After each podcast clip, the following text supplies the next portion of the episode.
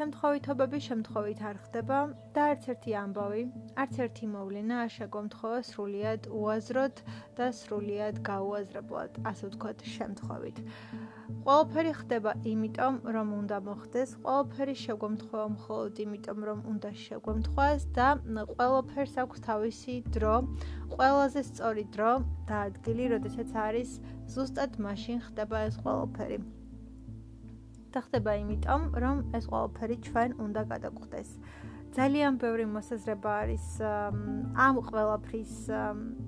განსამტკიცებლად და ძალიან ბევრი ადამიანი ფიქრობს ასე, რომ ყველაფერი ხდება მხოლოდ მაშინ და საჭირო დროს, როდესაც უნდა მოხდეს და ყოველ შემთხვევაში აი ასე სრულიად უბრალოდ და თითქოს არსაიდან ასე არ ხდება არაფერი. შემთხვევები თუ შემთხვევითობები არ არსებობს და არაფერი არ შეგვემთხვევა შემთხვევით. თუმცა მეორე კუთხით აა ცხოვრებაში ხდება ისე და არის მომენტები, როდესაც რაღაც მოვლენას გამოვტოვებთ ან რაღაც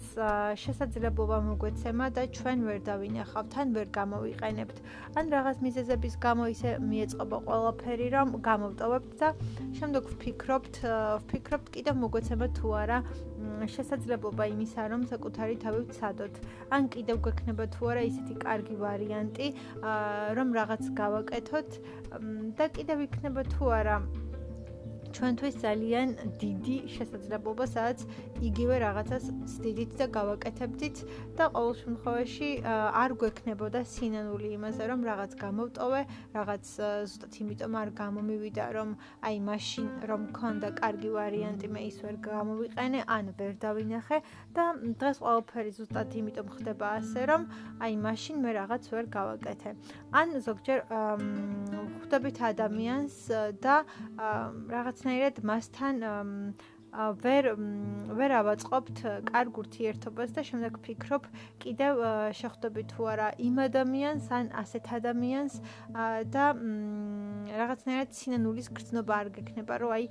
რაღაც თითქოს მაშინ ზუსტად ისე არ ველოპარაკე ან ისე არ ვთქვი ან ისე ვერ გამოვხატე საკუთარი თავი რომ აი ეს ურთიერთობა კარგად უნდა ამეწყო მეორე კუთხით ალბათ პირველი მოსაზრების თანახმად ვიტყოდით, რომ ზუსტად იმიტომ დაემთხვა ასე ყველაფერი, რომ ეს ურთიერთობა არ უნდა შემდგარიყო, მაგრამ მეორე კუთხით, თუ ძალიან დიდი სინანული გაქვს ადამიანს შიგნით, ალბათ იქნება მომენტი, როდესაც კიდევ მოგეცემა შესაძლებლობა, რომ იმ ადამიანთან კიდევ ააწყო ურთიერთობა და ასე ვთქვათ, გქონდეს მეორე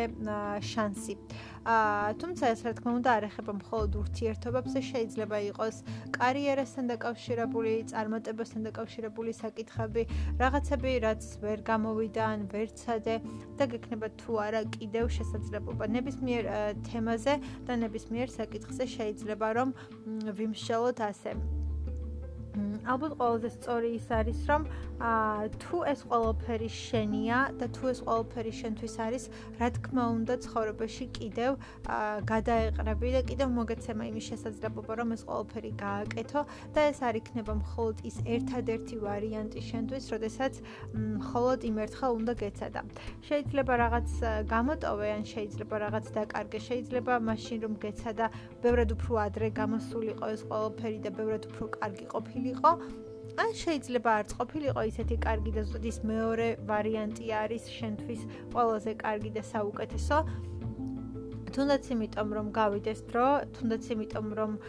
შენ უფრო მეტად გაიაზრო და უფრო მეტად მიხვდე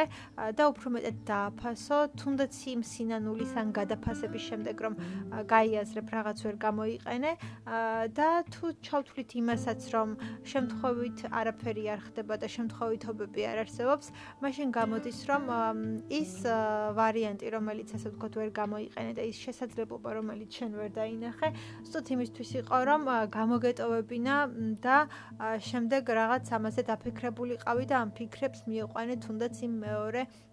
შესაძლებლობამდე სადაც ამ ყოლოფერს კლავ და ხელახლაცდი და თუ ამ ყოლოფერს მიუყვებით მაშინ გამოვა ისეც რომ თუ ეს ყველაფერი შენია და თუ ეს ყველაფერი შენთვის არის, აუცილებლად გამოვა და გამოგივა მეორე ან მესამე ჯერზე და უბრალოდ ვერც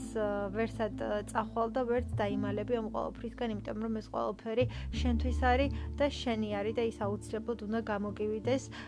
და ის აუცილებლად შეგემთხო, იმიტომ რომ ეს ყველაფერი რაღაცნაირად თითქოს შენ გეკუთვნის და ის აუცილებლად უნდა გამოსცადო, ის აუცილებლად უნდა გადაგხდეს და შემთხვევით არ ყოფილა არც ის პირველი შესაძლებლობა და არ იქნება არც დანარჩენი სხვა, რომელიც აუცილებლად გექნება რომ გამოიყენო. thank you